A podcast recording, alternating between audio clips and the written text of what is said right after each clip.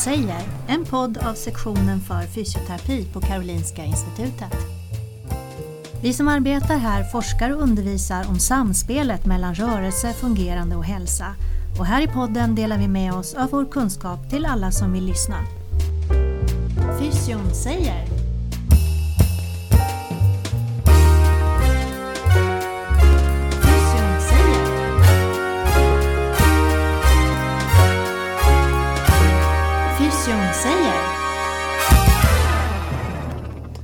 Ja, välkommen hit till ett nytt avsnitt av Fysion säger. Det här är avsnitt nummer... Nej, jag vet inte riktigt vilket nummer det är. Men jag hoppas att ni där ute lyssnar på alla tidigare avsnitt. Vi har kommit en bit in i poddserien.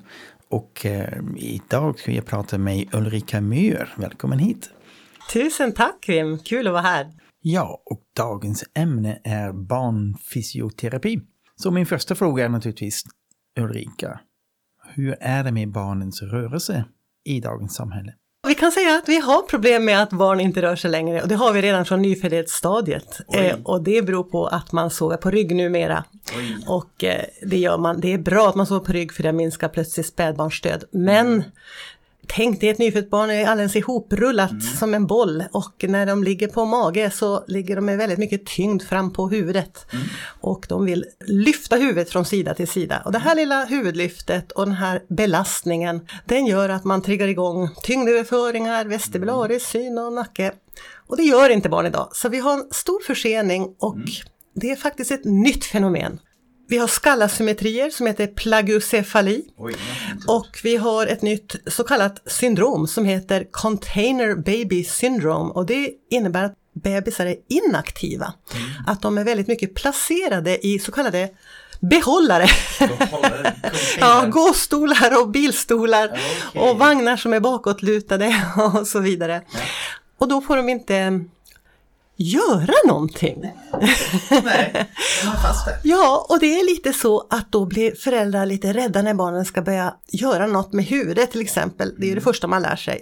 Eh, därför att då protesterar barnen. De är vana att vara passiva. Och då tycker man synd om barnen och lägger dem i containrar så att säga. Men det här med att tycka synd om barn, det har jag som regel att det får man inte göra. Och barn ska alltid lära sig någonting. Även nyfödda ska kämpa med att lyfta huvudet till exempel. Så då ska vi peppa dem istället för att tycka synd om dem. Inaktiviteten finns alltså där. Sen har vi en revolutionerande ökning av skärmtid tidigt, även innan ett års ålder. Jag följer Sissela Nattlis forskning och det går i rasande fart. Och den är väldigt smart den här digitaliseringen. För även om barn vill sluta använda skärmar så är det så smarta sätt som gör att det är svårt för dem att göra det. Där finns det också forskning som visar att det påverkar hjärnans utveckling väldigt tidigt, redan vid 18 månaders ålder. Just det. Nu har vi kommit in direkt i ämnet. Jag måste presentera dig först Ulrika. Vem är du egentligen? Ja, ja, jag har jobbat väldigt länge, sedan Ja, 1985. Eh, Jag har jobbat eh, med barn och barnneurologi och även barn med klumpig motorik. Ehm, Och jag har jobbat i USA och i Ryssland. Och jag är lite mångsysslare för att jag har jobbat länge inom habilitering men också undervisat både på universitet men även nu via Learn to Move, mitt eget företag som jag undervisar. Mitt hjärta ligger i barnneurologi, de barn som har riktigt svårt. Men jag jobbar också mycket med de som har neuropsykiatriska problem och bebisar. Okej, då har vi en hel del att prata om. Din kliniska vardag, Ja, min kliniska vardag är sån att jag träffar barn på en av Sveriges få, kanske enda numera, öppenvårdsmottagning för barn. Jag heter då Learn to Move men den finns i Sollentuna vid Mira barnfysioterapi. Men där är jag bara ett par dagar max i veckan. Annars så jobbar jag med innovation ganska mycket och med undervisning. Det är min kliniska vardag, den är väldigt splittrad. Nu ska jag få vara med till exempel och planera en skolgård på en ny skola där även särskolans miljö tas in. Jag ska få också föreläsa för de som jobbar med design av eh, lekplatser. Ja, det var intressant att höra för att det passar väldigt bra i vår teori som vi brukar ha om en rörelse. Att den är beroende av individen av uppgiften men också av omgivningen. Ja, så vi kanske har glömt bort omgivningens betydelse. Jag tänker så här att när det gäller lekparker och förskolor så är det ju så att den här grundmotoriken utvecklas till man är 12 år. Mm. Då pratar vi om det som alla ska kunna, hoppa, springa och kasta, fånga en boll. Idag har vi en tendens att vi låter landskapsarkitekter och andra designa förskolor och lekparker och de har ingen kompetens om hur skapar jag uppgifter på ettårsnivå, tvåårsnivå, tre, fyra, femårsnivå. Så när jag nu har kommit in där lite grann är de otroligt intresserade. Mm. Och hur ska vi tänka med särskolan? De kanske är 12 år men har motorik som en tvååring. Yeah. Där har vi ofta sagt att när vi ska anpassa en miljö för funktionshinder då har det handlat om rullstolar och ramper. Mm. Men de som har en sen motorik, de behöver ojämna underlag och mm. annat. Så utemiljön ska ju vara utmanande och tillräckligt mm. säker men inte helt säker. Nej. Då lär man sig inte. Så vi och, behöver finnas med där i stadsplanering tycker jag.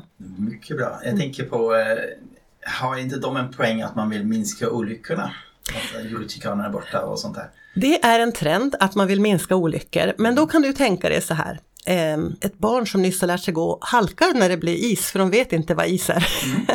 och sen så lär man sig att eh, ha den här feed forward, att man i ja. förväg planerar sin motorik. Och precis så är det i hela motoriska inlärningen. Vi kan inte ta bort fall. De ska vara tillräckligt säkra miljöer men inte helt säkra för det ingår att man gör fel och lär sig på nytt. Mm.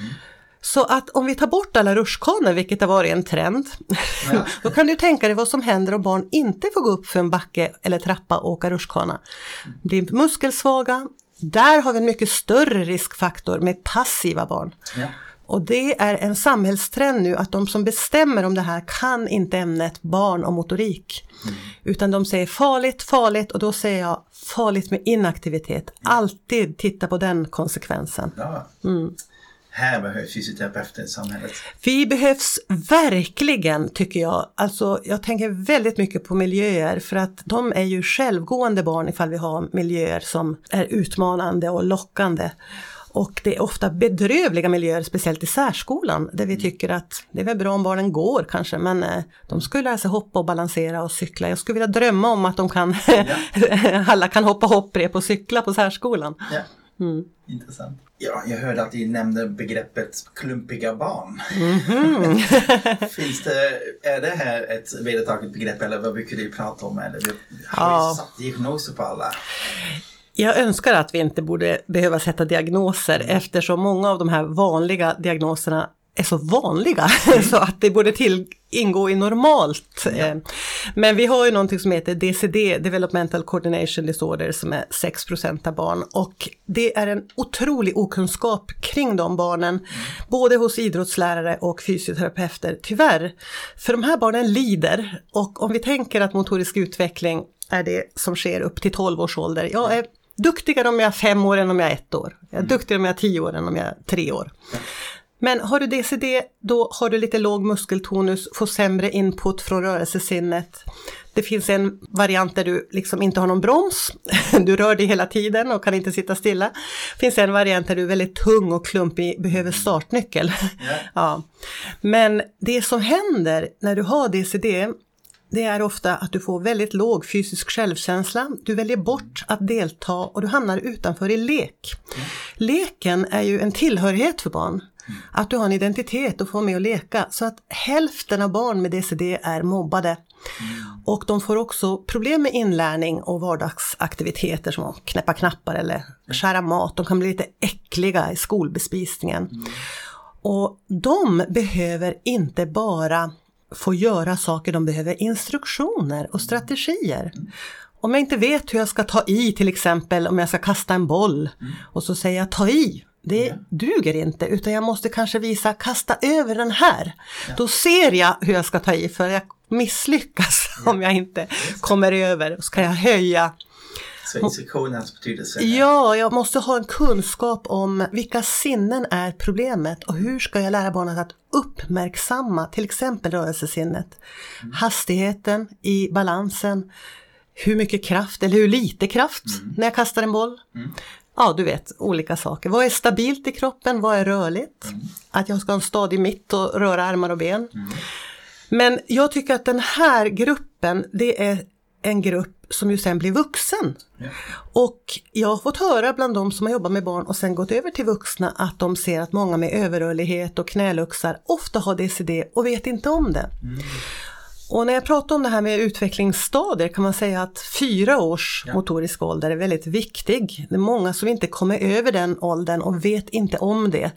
Så jag träffar ibland tonåringar som skolkar och de har motorik som en treåring. Oj, ja, hur ser den ut då? Om vi går igenom lite. Ja.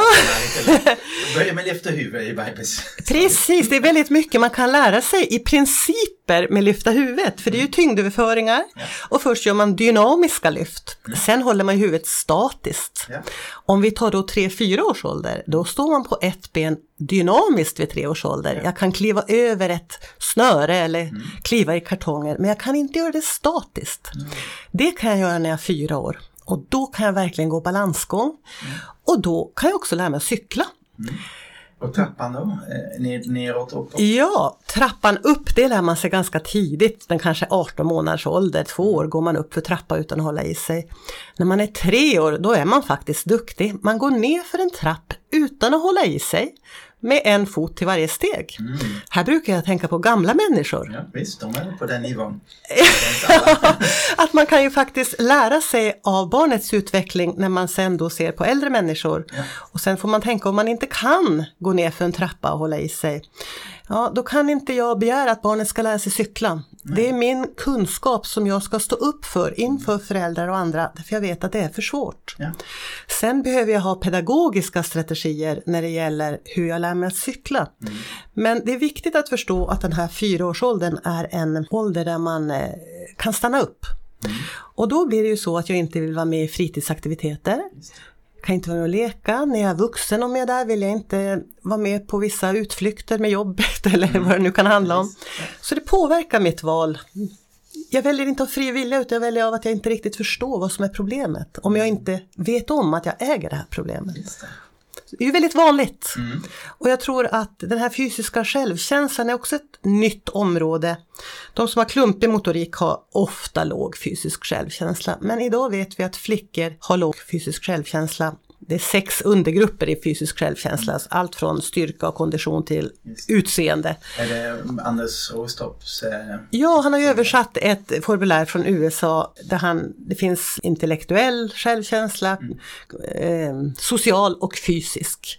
Och Anders Austorp har gjort ett jättejobb med att översätta den här. Men jag tänkte på det nu att många kvinnor som går med en låg fysisk självkänsla, de blir påverkade av vad de som liksom är ledartyper säger, de böjer sig, de står inte upp för sig själv. Och det här går vidare till arbetsplatser och andra ställen. Så att jag tror vi skulle förändra samhället om flickor hade lika bra fysisk självkänsla som pojkar. oj. Maktförhållanden helt Yes. enkelt. Ja.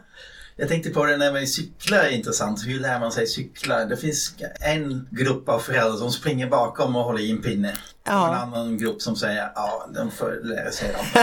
vad, vad tycker du? Ja, man kan säga så här att om man har en normal motorik, då brukar barnet lösa det där om, barnet, om pappan eller mamman nu springer efter eller vad de gör.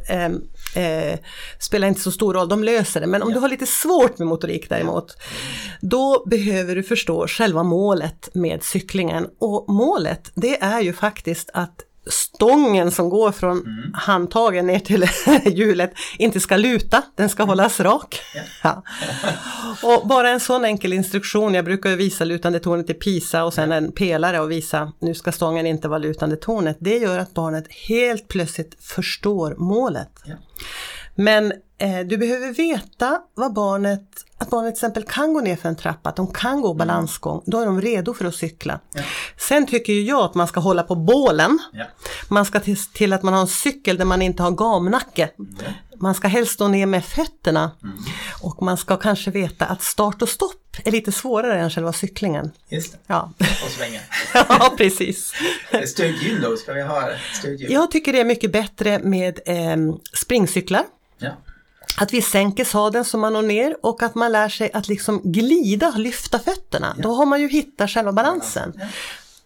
Mm. Det är bättre inlärning kan man säga. Ja. vad kommer sen då, efter cykling? Efter cykling, ja rent motoriskt kan man ju säga att eh, när man då lärt sig stå på ett ben kommer hoppa på ett ben. Här är också lite sådana här grejer att vissa saker ska man kunna bilateralt, andra bara på ett ben, men hoppa ska man kunna. Och idag så har vi problem med uthållighet. Ja. När man testar att hoppa på ett ben så gäller det inte bara att hoppa några hopp. När du är i mellanstadiet då ska man hoppa två gånger sju meter tre gånger. Oj. Och när du då har problem då ballar du ur. Ja. Men när du är duktig så blir du bättre och bättre. Och hur många vuxna klarar det då? Det kan vi fråga oss. Så att vi, det är intressant. Nu är det så här förstår du att när jag får uppdaterade test då tar man bort de svåraste uppgifterna därför att de klarar vi inte idag. Barnen klarar dem inte. Jag brukar ju testa mina kursdeltagare, vuxna, eh, både på statisk balans och då har jag med ett gammalt test och ett nytt test och de blir chockerade över hur svårighetsgraden har sänkts. Ja. Hopp över hinder i knähöjd ska man klara från fyra års ålder. Hur många 50-60-åringar klarar det? Jag har inte testat det på länge. Ja, ja, ja. Ja, intressant. Mm. Andra diagnoser, ni har nämnt eh, nu två stycken redan. Eller tre stycken redan. ja. Eh, sneda skallar då? Är det ditt favoritområde här? Ja, sneda skallar är ju alltså på grund av att skallen är mjuk och formbar när man är nyfödd och eh, när man ligger på rygg då så ramlar ofta huvudet åt ett håll. Och då blir det platt och då skjuts örat och pannan fram på den platta sidan. Egentligen kan man säga att sneda skallar det ska man bota genom att ligga på motsatt sida. det är helt enkelt bara en, en mekanisk belastning. Det som är problemet det är när barnen också är inaktiva, inte lyfter. Så att mycket av det här med försening och sånt Många pratar om sneda skallar, för mig är det ett mekaniskt problem. Ja. Men inaktiviteten, den är inte bra. Den påverkar hjärnan. Så egentligen är mer ett symptom av att vara för inaktiv? då? Absolut, precis. Och det förstår inte många. De tror att problemet är skallformen. Skallformen sned visar att nacken inte fungerar. Och nacken är det första vi ska lära oss. Vi ska ju lära oss att hålla huvudet rakt. Det är målet för hela balansen och det programmeras in de första tre månaderna. Och görs inte det, nej, då blir det inte så lätt. man Mm, precis. Okej, här kommer viktiga tips. Mm. Vi välkomnar nytillkomna lyssnare till Fysion säger, en podd av sektionen för fysioterapi på Karolinska Institutet. Barn som föds med neurologiska skador, det är de som kommer att träffa. Mm. Där är ju min, mitt hjärta klappa för dem. Och eh, ska jag vara riktigt ärlig så är jag väldigt bekymrad över nivån på kunskaper inom detta område. Eh, Jag ser att vi inte har en golden standard. Vi har inte förväntningar på inlärning och jag saknar eh, framförallt en golden standard. Jag tycker inte att vi ska göra saker för funktionshindrade barn som vi inte ska göra för vanliga barn eller oss. Hade en lång diskussion här med några kollegor som du vet sätter på sådana här ortoser som gör att hälsenan förkortas. Ja, så vad händer när hälsenan förkortas? Ja, du blir muskelsvag. Varför gör vi det? Och det är ganska standard. Jag känner att vi behöver, vårat yrke behöver lyftas fram här och få, vi har ofta chefer som inte är inom vårt yrke. Vi har definitioner som inte fungerar. När det gäller neurologi och där tror jag att golden standard är normalutveckling. För jag tänker att om du har en handbollsmålvakt som har problem med axeln, då kollar du väldigt noga på axeln och du vet hur en frisk axel är. Men om du har ett barn som föds med en stroke och inte kan röra på foten, vad är det som gör att vi lär oss röra på foten? Ja. Så att man kan ju se det på två sätt, att vi har stora problem men också jättestora utvecklingspotentialer. Och jag vill ju koppla ihop teknologi med rörelseinlärning. Ja. Jag vill få in ingenjörer och feedback och eh, mycket mera tanke på hur ska vi locka hjärnan att lösa problemen med kroppen. Ja. Du har startat ett samarbete med KTH hörde jag. Ja, jag har faktiskt samarbete med två tekniska högskolor. Jag ska åka till Sundsvall om en vecka där vi bygger en lära röra på benet-apparat för tvååringar med CP-skador. Och det är fantastiskt kul. Det svåra här är att jag har inte råd att anställa en ingenjör. Och jag har funnit väldigt svalt intresse för stöd till att göra innovation kring barnneurologi. Jag håller också på mycket med balans. Jag håller på att uppfinna en balanstränare. Det går jättebra. Ja. Men jag önskar att det kunde finnas mera stöd för den här typen av verksamhet faktiskt. Ja. Ja. ja, men här får du säga allt möjligt. Ni som lyssnar där ute. ja. Ja. Då tänker jag på din pedagogiska karriär. Jag vet att du skrivit eh, minst en bok, eller hur många böcker har du skrivit? Ja, jag har skrivit en bok som heter Sittande barn. Sen har jag skrivit bokkapitel i eh, någon bok som handlar om, eh, egentligen om augmentative communication. Jag jobbar i USA, det handlar om sittande hos svårt CP-skadade, men det är en bo- bok för logopeder. Sen har jag gjort en utbildningsfilm om motorisk utveckling 0 till 2 år för att eh, det gjorde jag när det började bli snedskallar och sånt och tänkte BVC, varsågod. Ja. men eh, BVC är inte riktigt intresserad av motorik, där borde vi också finnas Ja. som fysioterapeuter. Vi finns inte i skolhälsovård, finns inte på BVC, finns inte i öppenvård.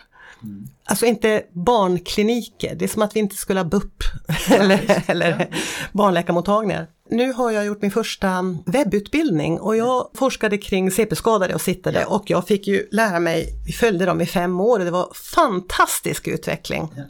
Men det är ett glapp mellan forskning och klinik och då behövs det utbildning.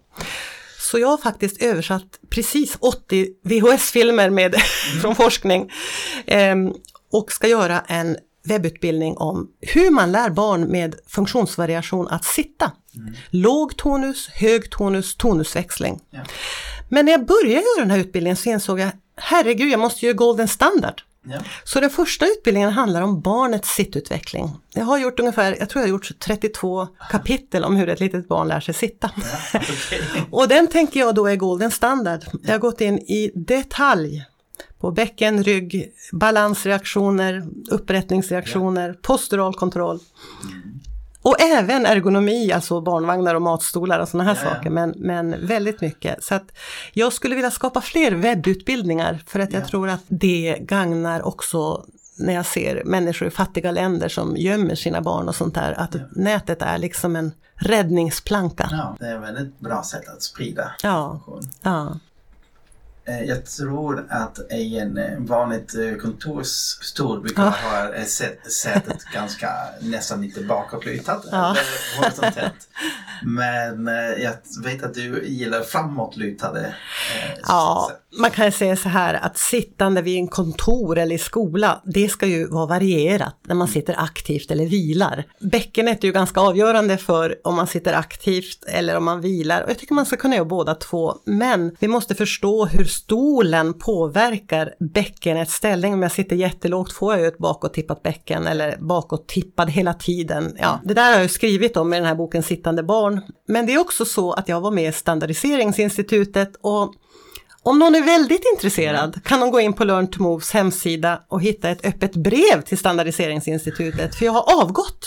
Okej. För att i världsstandard så finns inte bäckenet ens med.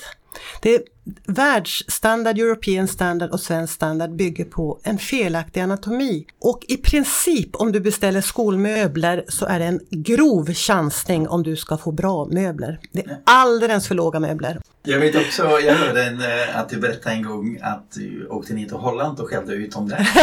Vad gjorde du där? Det kom ju då så kallade ergonomiska barnvagnar och där satt ju barn som hösäckar med gamnackar. Jag tänkte, vad är detta? Ja. Så jag, eh, det här var för kanske 10-15 år sedan nu och eh, då var det ju en designer som bara tog eh, ordet ergonomisk. När man satt med en rund rygg och gamnacke. Jag tänker att en rak rygg, en god hållning är något vi ska behålla hela livet. Ja. Så jag la ut lite bilder på hur man sitter i barnvagn på min hemsida och vart jag kontaktad av ett barnvagnsföretag, väldigt stort och känt. Ja. Där prinsessan köpte barnvagn och eh, Först kom nordiska representanter till mitt jobb och tyckte att vi kunde ha olika åsikter om saker men sen insåg han att jag hade nog faktiskt rätt. Då fick jag åka till Holland och träffa personalen där och föreläsa. Det var helt fascinerande för att jag skulle hålla en timmes föreläsning, det blev väl två, och de var så allvarliga. Ja, ja, ja. Jag försökte få dem att skratta lite men de kunde absolut ingenting om barns utveckling och ergonomi. Men de ville ju göra ett bra jobb. Och de, det är de som utvecklar och jag har ingen kunskap. Nej. Nej, och då var jag också till ett annat stort företag och fascinerats av att de inte kan någonting om barns utveckling. Och jag fick en fråga av en ledande företagsledare. Hur kommer det sig att ordet ergonomisk har börjat definieras som att man sitter som en hösäck? ja, Det var för att alla sitter så.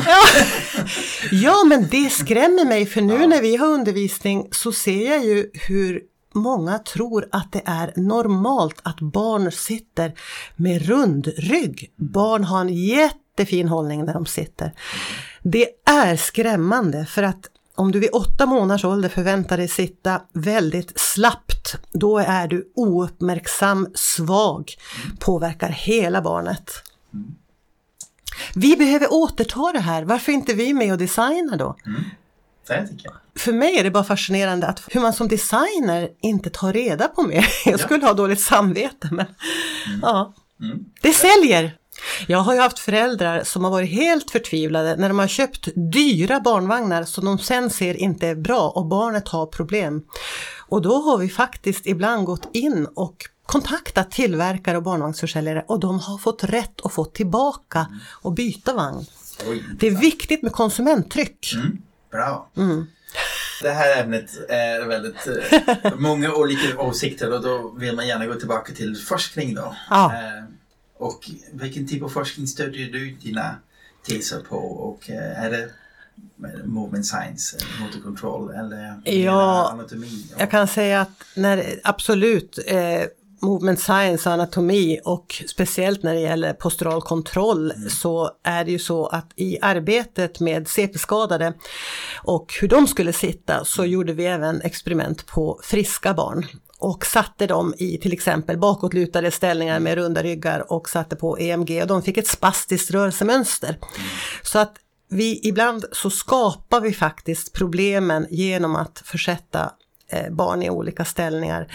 Sen är det så att när det gäller de här små barnen och prylarna, där finns det gott om forskning och jag är själv bekymrad över vad händer med barnets ben om du tänker en nyfödd ligger på mage och sparkar sig fram i krälställning med dorsalflekterad fot?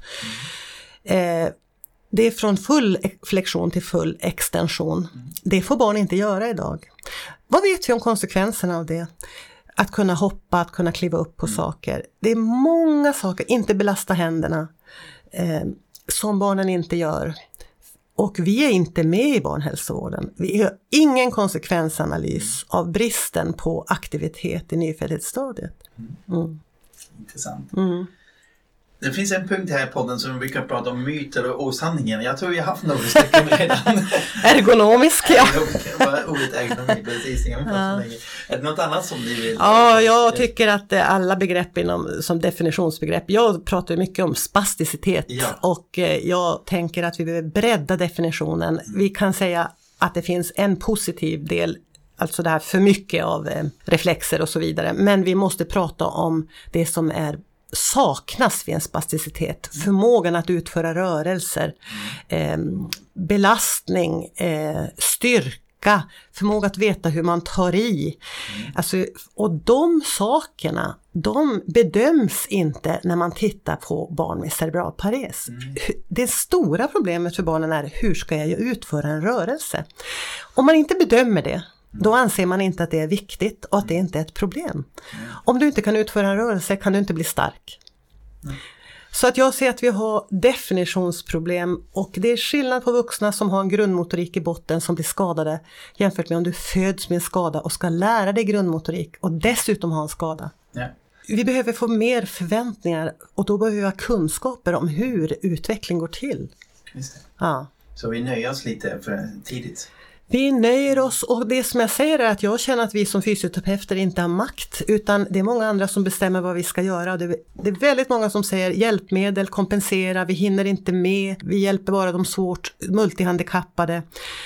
Det är stor frustration. Ja, jag vill inte vara negativ, men jag måste våga säga det nu. Jag är rädd för våran yrkeskårs framtid inom det här området om vi inte får mera fokus på fysioterapi. Mm. Och att vi får utvecklingsmöjligheter, kunskap, eh, vi ska vara expertorganisationer. Många får inte ens grundutbildning i ämnet. Så att, ja. Vad händer framöver nu? Ja, ja nu händer det roliga saker med innovation mm. faktiskt. Riktigt roliga. Eh, det är två saker som jag hoppas ska komma vidare med. Mm. Den här att eh, lära sig balans. Eh, de som går med rollatorer ska lära sig kunna gå utan dem. Mm. Och det här med att lära sig benrörelser. Sen händer det roliga saker i och med att jag får undervisa även för designers och ja. eh, internationella designers, lekparker och eh, förskolor och sådana saker. Jaha, jag hoppas kunna skapa mycket mer webbutbildning. Jag känner att det finns så mycket möjligheter men just det här att få in kopplingen med teknik och fysioterapi och hjärnan. Jag ser stor potential. Mm. Och vi måste få makt och jag känner att vi inte har det. Jag känner att det finns sådana traditioner och vi är inte med. Speciellt barn med funktionshinder. Jag, tyck, jag är trött på att bli klappad på huvudet och säga att folk säger att det är behjärtansvärt. Mm. Eh, jag är faktiskt det. Jag, jag känner en frustration samtidigt som jag inte kan låta bli att försöka driva mm. saker framåt. Mm. Men eh, stort tack att du kom idag. Tack för att jag fick vara med Vim. Du har lyssnat till podden Fysion säger, en podd som sänds från sektionen för fysioterapi på Karolinska Institutet. Fysion säger